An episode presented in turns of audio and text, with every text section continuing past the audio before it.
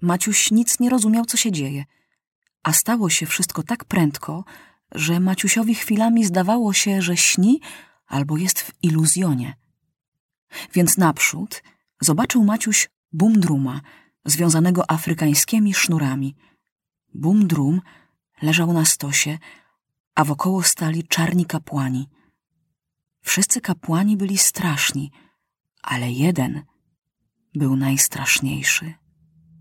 Miał dwa skrzydła, dwie głowy, cztery ręce i dwie nogi. Tak był przebrany, a w jednej ręce trzymał jakąś deskę, na której coś było narysowane czy napisane krwią ludzką. W drugiej ręce trzymał zapaloną pochodnię i Maciuś domyślił się, że mają bumdruma spalić. A obok stało związanych sznurem jego sto żon i każda trzymała w ręce zatrutą strzałę, ostrzem skierowaną w serce. Dzieci bumdruma strasznie płakały, chodziły na czworakach albo fikały żałobne koziołki.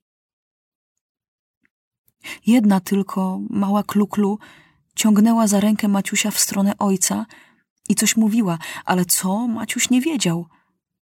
Maciuś na wszelki wypadek wyjął rewolwer i strzelił w powietrze. W tej samej chwili usłyszał Maciuś za sobą krzyk. To lotnik krzyknął. Zatrzepotał rękami w powietrzu, podskoczył w górę swoim beznogim korpusem, zsiniał i padł martwy na ziemię. Wtedy wszyscy dzicy zaczęli tak wrzeszczeć, że Maciuś myślał, że oszaleli. A kapłan z dwiema głowami rozciął sznury bumdruma. Zaczął tańczyć jakiś najdzikszy taniec, potem wszedł na stos, na którym przed chwilą leżał bumdrum i dotknął drzewa zapaloną pochodnią. Drzewo widocznie było przesycone jakimś łatwopalnym płynem, bo od razu buchnął płomień tak silny, że Maciuś z Kluklu ledwo zdążyli odskoczyć w bok, bo też się mogli spalić.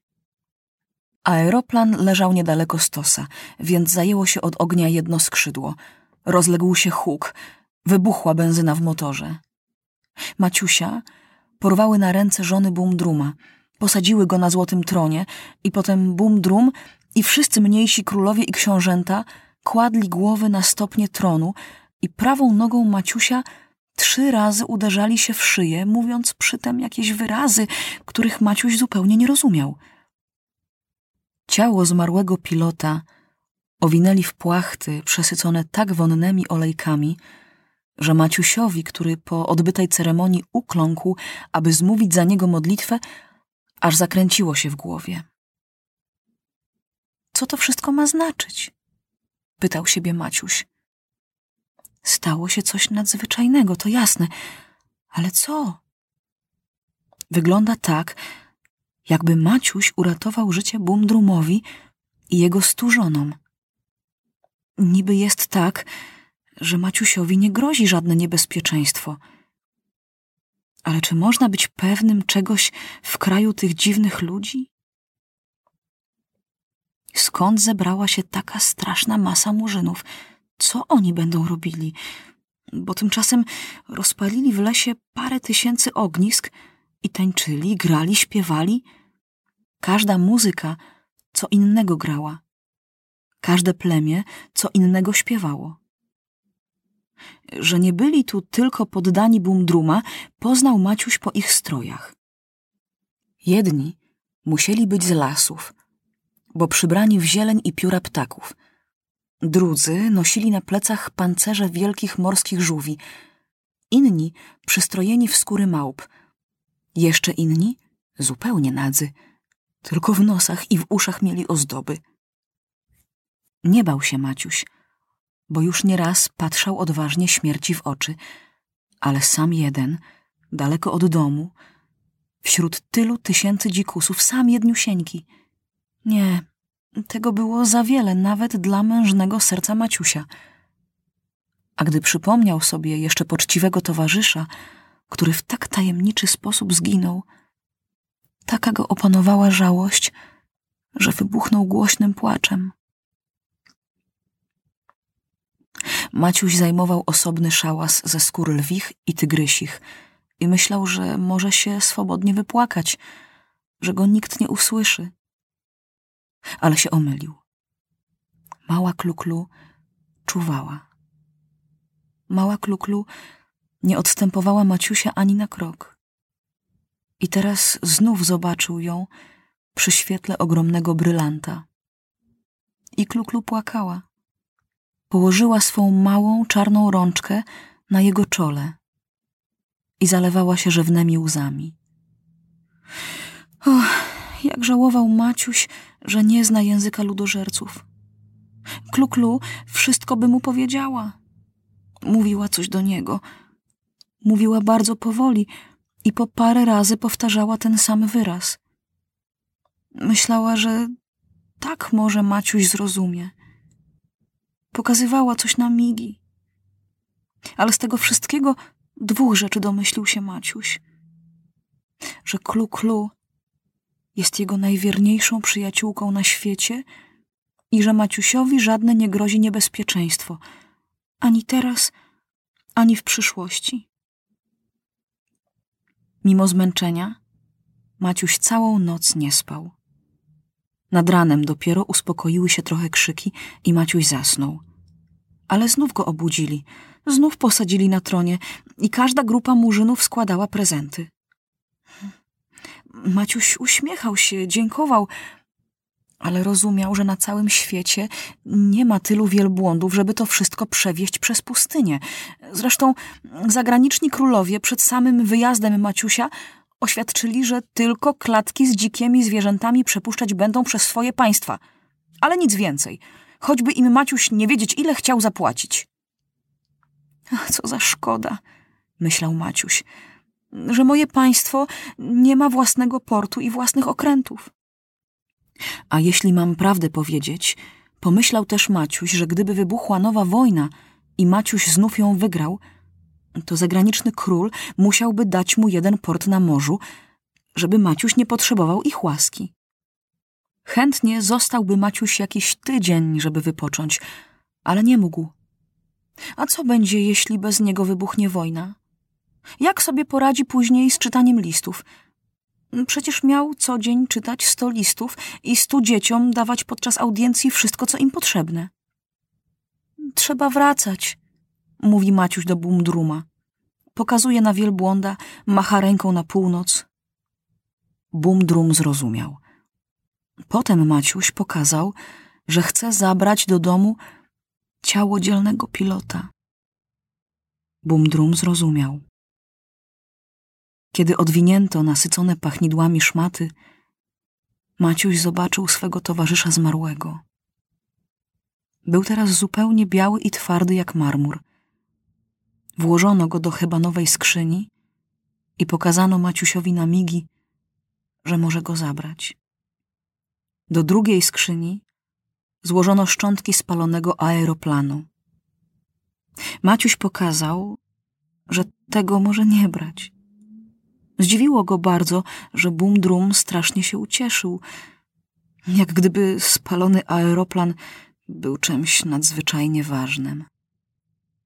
No dobrze, ale najważniejszego Maciuś nie wiedział. Czy Bumdrum jest jeszcze ludożercą, czy nie?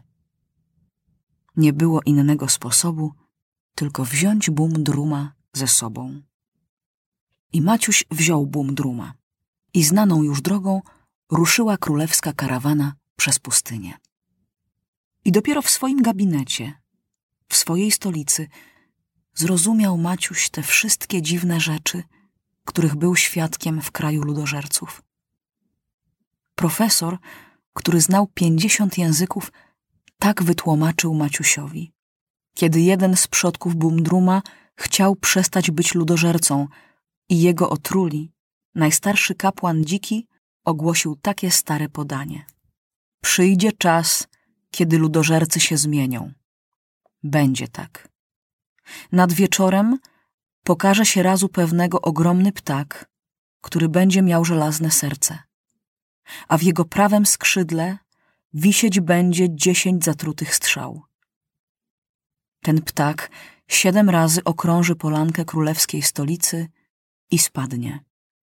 Ten ptak będzie miał ogromne skrzydła, cztery ręce, dwie głowy, troje oczu i dwie nogi. Jedna głowa i dwie ręce tego ptaka zatrują się jedną z dziesięciu strzał i umrą.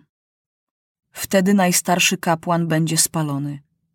Pęknie żelazne serce wielkiego ptaka.